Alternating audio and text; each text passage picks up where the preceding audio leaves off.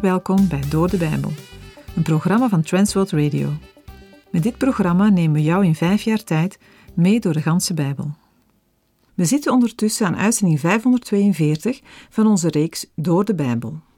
Vandaag beginnen we aan een nieuw Bijbelboek uit het Oude Testament. Het verhaal van Esther. Het is een opmerkelijk boek. De naam van de Heere God komt nergens naar voren. Toch is juist in dit boek het handelen van God overduidelijk. Voor onze lezers is dat wellicht veel meer zichtbaar dan voor de hoofdpersonages in het boek. Esther en Mordechai leefden in ballingschap en vertrouwden daarin op God, zonder te weten hoe de toekomst zou zijn. Zij wisten niet hoe de Heere God hen uiteindelijk zou verlossen. Hun voorbeeld en die van andere gelovigen uit de Bijbel kunnen ons bemoedigen om op de Heere te vertrouwen. Ook wanneer het lijkt alsof Hij zwijgt, laat Zijn hand ons niet los. God houdt de wereldgeschiedenis in handen en tegelijkertijd ook onze levens.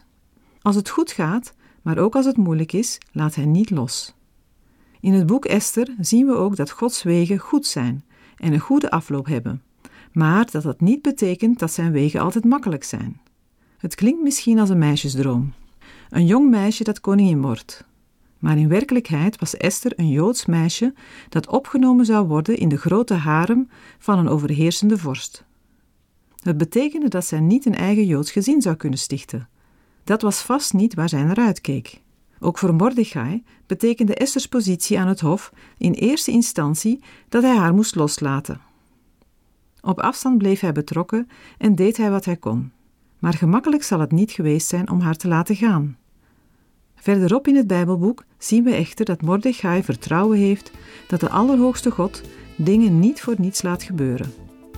Mogen de Heer u zegenen als we dit Bijbelboek de komende dagen zullen lezen.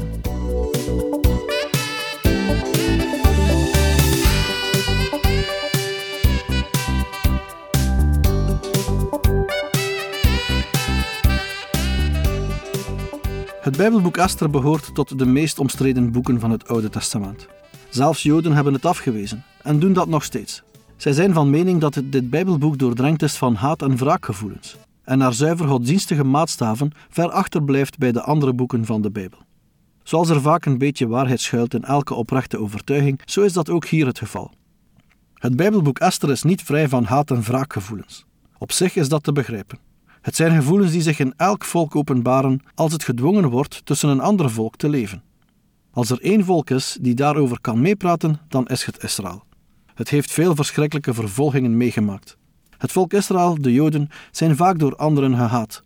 En nog worden zij gehaat en vervolgd als geen ander volk op aarde.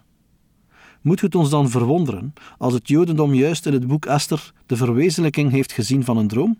Een droom die erop neerkomt dat eens de rollen zullen zijn omgekeerd. Dan zullen de Joden over vreemdelingen zegevieren. Overigens kan niemand volhouden dat het Bijbelboek Esther totaal geen godsdienstige waarde heeft. We moeten daarbij alleen maar denken aan de beroemde woorden van Esther zelf, in hoofdstuk 4, vers 16. Daar zegt ze: Als ik dan omkom, dan kom ik om. Het zijn ook woorden die een oprecht christen niet misstaan. Hebben niet velen die van hun geloof in het evangelie getuigden naar dezelfde regel geleefd en gehandeld? In de Joodse kanon, het Oude Testament, worden drie groepen Bijbelboeken onderscheiden: de Wet, Torah, de profeten en de geschriften. Het Bijbelboek Esther vormt de afsluiting van de geschriften. Het Bijbelboek Esther is een van de vijf rollen die op de Joodse feesten worden voorgelezen. Het boek Esther wordt gelezen op de eerste dag van het Purimfeest, ter herinnering aan de bevrijding die de Joden onder Esther werd geschonken.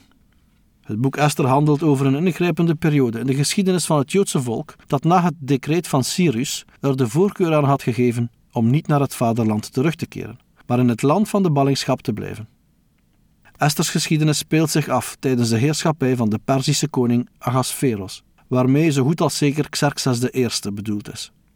Over het leven van de Joden in het Perzische Rijk is niet veel meer bekend dan wat het boek Esther ons meedeelt. De Griekse geschiedschrijver Herodotus wijde ongeveer de helft van zijn historieën aan de regering van Xerxes, waarbij hij zich vooral richtte op zijn invasie in Griekenland. In zijn werk komen de Perzen naar voren als oorlogszuchtig. Over hun koningen lezen we verder dat die in extreme luxe leefden en graag hun grote weelde tijdens indrukwekkende feesten tentoonstelden. De gebeurtenissen in het Bijbelboek Esther zijn naar alle waarschijnlijkheid te situeren tussen de terugkeer van de eerste groep uit Babylon en die van de tweede groep. De eerste onder Zerubabel en de tweede onder Ezra. De schrijver van het Bijbelboek Esther is niet bekend. Hij schreef het boek vermoedelijk na zijn terugkeer uit de ballingschap. Het moet een Jood met een vurige liefde voor zijn land geweest zijn. Een man goed bekend met de gebruiken aan het Perzische Hof en van een grote literaire begaafdheid. Het Bijbelboek Esther is in het Hebreeuws geschreven, maar met veel Aramese uitdrukkingen. Voor sommige uitleggers is dat de aanleiding geweest om Ezra aan te wijzen als de schrijver. In ieder geval, op grond van Esther 9, vers 20, is aan te nemen dat Mordechai de voornaamste bron voor dit boek is geweest. De echtheid van het boek is sterk aangevochten. Toch zijn de nauwkeurige beschrijvingen van het hofleven, de organisatie van het Perzische Rijk en het hier ingestelde Purimfeest doorslaggevende argumenten voor de echtheid. In het vroegere Jodendom werd de kanonieke status van Esther niet onmiddellijk door iedereen aanvaard. Het is ook opvallend dat onder de gevonden teksten in Kuram alle oud-testamentische handschriften zijn gevonden, met uitzondering van het Bijbelboek Esther. Dat kan toeval zijn of te maken hebben met een afkeer tegen de inhoud van het Bijbelboek.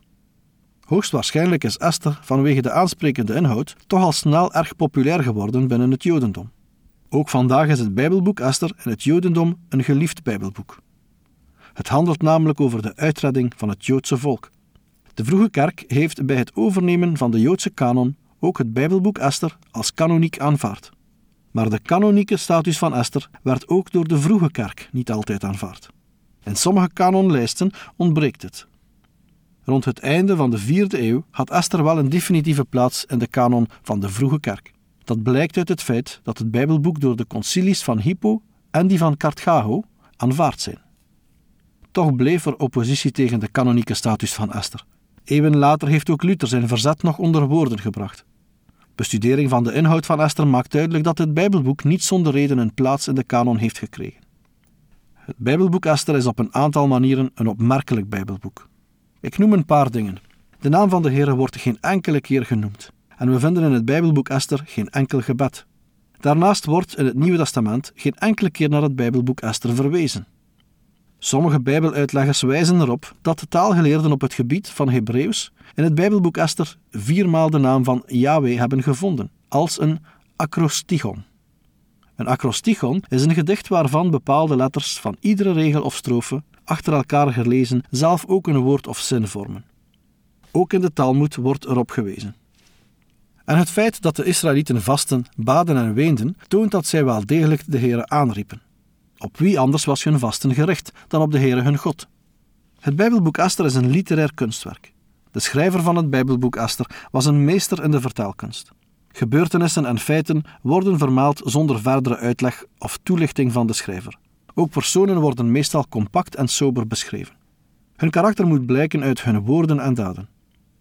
In Esther lezen we niets over de gedachten, gevoelens en intenties van Esther en Mordechai. De schrijver geeft ook geen eigen mening. Hij veroordeelt, beschuldigt of verontschuldigt de genoemde mensen niet. De lezer of hoorder moet zelf een mening vormen en conclusies trekken. De meningen over het literaire genre van het Bijbelboek lopen uiteen. We kunnen het Bijbelboek Esther, gelet op de inhoud, vorm en stijl, het beste zien als een kort historisch verhaal. Het is vergelijkbaar met de geschiedenis van Jozef of het Bijbelboek Ruth. Het gaat om een korte geschiedenis waarin een theologische boodschap is verwerkt. Het Bijbelboek Esther bestaat uit drie hoofddelen. Esther 1 vers 1 tot en met 5 vers 14 is het eerste deel. Het vormt de inleiding en verwoordt hoe de Joden in Perzië werden bedreigd. Het tweede deel is Esther 6 vers 1 tot en met 9 vers 19 en gaat over de overwinning van de Joden over hun vijanden. Deel 3 wordt gevormd door Esther 9 vers 20 tot en met 32 en gaat over de instelling van het Purimfeest. De drie versen van Esther 10 kunnen we beschouwen als epiloog, met informatie over de hoge positie van Mordechai. Het Bijbelboek Esther toont ons Gods liefde, zijn trouw en voorzienigheid ten aanzien van zijn in ballingschap levende volk Israël. Gods volk wordt ondanks ontrouw niet door de Heere verlaten en vergeten. Wel leeft zijn volk in ballingschap, als schapen onder de wolven. Zij kunnen onmogelijk gehoor geven aan de eis om mensen te vergoddelijken, omdat dit een keus tegen de Heere betekent. Het Bijbelboek Esther wil Israël een voorbeeld geven van geloof, vroomheid en morele zuiverheid, te midden van het luxueuze leven aan het Perzische Hof. Het laat zien hoe de wet van Mozes ook in een heidense omgeving gewetensvol kan worden nageleefd en gehouden. Laten we voor de duidelijkheid een stapje terug in de tijd gaan. Voordat de Heere de Israëlieten in het beloofde land bracht, zei hij al tegen Mozes in Deuteronomium 31, versen 16 tot en met 18 het volgende. Zie, u gaat bij uw vaderen te rusten, en dit volk zal opstaan, en als een hoererij achter de vreemde goden van het land waar het naartoe gaat, aangaan. In het midden van dat land. Het zal mij verlaten en mijn verbond, dat ik ermee gesloten heb, verbreken. Dan zal mijn toorn op die dag tegen hen ontbranden. Ik zal hen verlaten en mijn aangezicht voor hen verbergen, zodat zij opgeheten zullen worden. En veel verschrikkelijke dingen en noden zullen het volk treffen, zodat het op die dag zal zeggen: Hebben deze verschrikkelijke dingen mij niet getroffen, omdat mijn God niet in ons midden is? Ik zal mijn aangezicht op die dag zeker verbergen, vanwege al het kwaad dat het gedaan heeft, want het heeft zich tot andere goden gekeerd. In het Bijbelboek Esther heeft de Heer zijn aangezicht voor zijn volk verborgen. Zij hadden gekozen in het heidense land te blijven, in plaats van met Zerubabel naar Jeruzalem terug te keren. En hoewel de naam van de Heer niet wordt genoemd, voelt een mens in de geschiedenis van Esther toch Gods sterke hand. Vanaf het begin heeft hij alles bestuurd. Hij helpt zijn volk met een wonderlijke uitredding, op het juiste moment. Ook voor vandaag bevat het Bijbelboek Esther praktische lessen voor het leven van elke dag. Gelovigen moeten de gelegenheden die de Heere hen biedt gebruiken. Wij mensen kunnen die gelegenheden niet organiseren. Het is mogelijk dat, als wij Gods gelegenheden niet gebruiken, wij daardoor door de Heere geboden kansen aan onze neus voorbij laten gaan. Zulke momenten die de Heere geeft, zijn vaak bepalend voor het verdere verloop van ons leven en zijn van beslissende betekenis. Een andere les en aanmoediging mag zijn niet aan de Heere te twijfelen of de moed op te geven. Wat de Heere beloofd heeft, zal hij ook zeker doen. Hij komt zijn kinderen te hulp. Hij heeft de macht om hen te redden. Een aansporing om onze wil aan zijn wil onderschikt te maken, omdat hij voor het leven van ieder mens een plan heeft. Gods voorzienigheid en macht zijn de centrale thema's in het Bijbelboek Esther. Hij beschermt zijn volk, zelfs als het in ballingschap leeft, en laat alle dingen ten goede meewerken. De macht van de Heer is duidelijk te zien in de nederlaag van Israëls vijanden. Van belang is dat de Heer daar in dit geval mensen voor gebruikt, in plaats van zelf in te grijpen. Iedereen moet bereid zijn om steeds Gods wil te doen als hij dat vraagt. Nog wat over de inhoud zelf. Het Bijbelboek Esther vertelt de geschiedenis van een Joods weesmeisje dat een positie van macht en invloed aan het Perzische hof krijgt. Opgevoed door Mordechai, haar achterneef, belandde zij vanwege haar vrouwelijke schoonheid in de koninklijke harem. Ahasveros, de Perzische koning, liet daar de mooiste meisjes van zijn koninkrijk bijeenbrengen om uit hen de nieuwe koningin te kiezen. Zo werd Esther koningin. Esther's Hebreeuwse naam, Hadassah, Mirte, wordt eenmaal genoemd in Esther 2, vers 7. In de hele geschiedenis wordt haar Perzische naam Esther gebruikt. Door deze naam was zij in het begin in staat om, op advies van Mordechai, haar Joodse afkomst geheim te houden. In het verloop van de geschiedenis komen verschillende aspecten van Esther's handelen naar voren, waaruit ook iets van haar persoonlijkheid kan blijken. Opvallend is dat wij niets lezen over haar geestelijke leven, of van verzet tegen de heidense gewoonten van haar omgeving, zoals in het geval van Daniel en zijn vrienden. Zij slaagt erin de koning zodanig te behagen dat zij onmiddellijk als koningin wordt gekroond. Maar als door toedoen van de haatdragende Haman haar hele volk gevaar loopt om uitgeroeid te worden, komt zij naar voren als een moedige en schrandere vrouw, die uiteindelijk alles riskeert om het Joodse volk en zichzelf van de aangekondigde genocide te redden. Door haar gewilligheid om haar leven te wagen voor haar volk en haar pleidooi bij de koning, was zij de bemiddelaar voor de redding van haar hele volk. Voor gelovigen een prachtig beeld van Jezus Christus, die zijn leven gaf en die met zijn voorspraak zijn volk vertegenwoordigt bij de Heer. In de voorbereidingen die Esther treft om voor de koning te verschijnen, is zij een beeld van de gemeente van Jezus Christus, die zich moet klaarmaken om Christus als koning en bruid te begroeten. En de goede ontvangst die zij krijgt, als de scepter van de koning haar wordt aangereikt, zien we een beeld van de genade die ieder mens mag en kan ervaren als hij of zij de koning der koningen daar nederig om vraagt. Laten we beginnen met de tekst zelf. We gaan lezen in het eerste hoofdstuk van het Bijbelboek Esther. Esther 1, vers 1. Het gebeurde in de dagen van Ahasveros. Hij is de Ahasveros die regeerde van India af tot Kush toe over 127 gewesten. De naam Ahasveros komt 29 keer voor in het Bijbelboek Esther. In de rest van het Oude Testament nog twee keer. Namelijk in Ezra 4 vers 6 en Daniel 9 vers 1. Maar in gevonden annalen is nergens een koning met die naam te vinden. In de belangrijkste Septuaginta-tekst, de Griekse vertaling van het Oude Testament, wordt hij Artaxerxes genoemd. Veel uitleggers identificeren hem met Xerxes I. Van deze Xerxes is bekend dat hij regeerde van India tot Kush. Dat is Nibië en niet Ethiopië. Nieuwe commentaren stellen voor om Ahasveros gelijk te stellen met zijn voorganger Darius I, ook wel Darius de Grote genoemd. Het lijkt het meest aannemelijk dat met koning Ahasveros Xerxes I is bedoeld. Ahasveros betekent de machtige koning of grote vader. Xerxes betekent koning. Xerxes I wordt ook wel Xerxes de Grote van Perzië genoemd. Hij heeft het Perzische koninkrijk tot grote hoogte gebracht. Xerxes breidde het land naar het oosten en het westen uit. Een enorme prestatie. Esther 1, versen 2 en 3.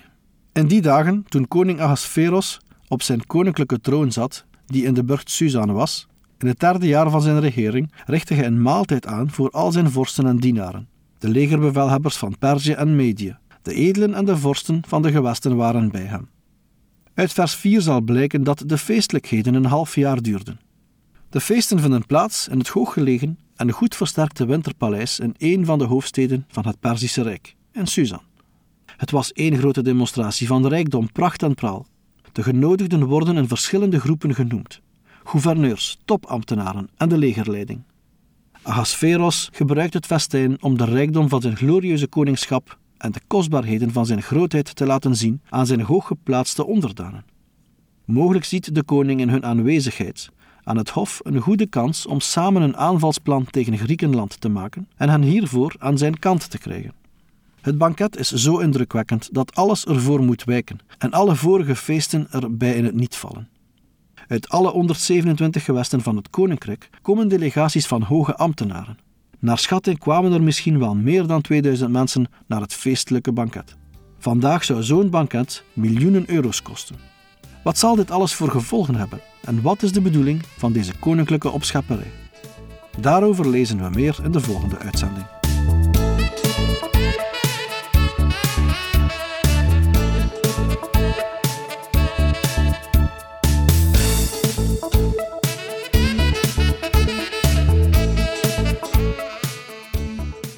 U heeft geluisterd naar Door de Bijbel, een programma waarin we in vijf jaar tijd de ganse Bijbel bespreken.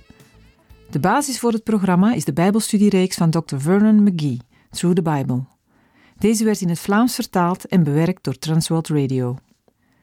U kan elke werkdag naar een nieuwe uitzending luisteren en u kan ook steeds voorbije uitzendingen opnieuw beluisteren of downloaden. Als u wilt reageren op deze uitzending of u heeft vragen, dan kunt u uiteraard contact met ons opnemen. U kan een e-mail sturen naar doordebijbel.twr.be. Verder kan u op onze site terecht, www.twr.be, voor meer info en het beluisteren van onze overige programma's. Dit programma werd gepresenteerd door Patrick Couchement en Anne Notenboom. Wij danken u voor het luisteren en graag tot een volgende keer.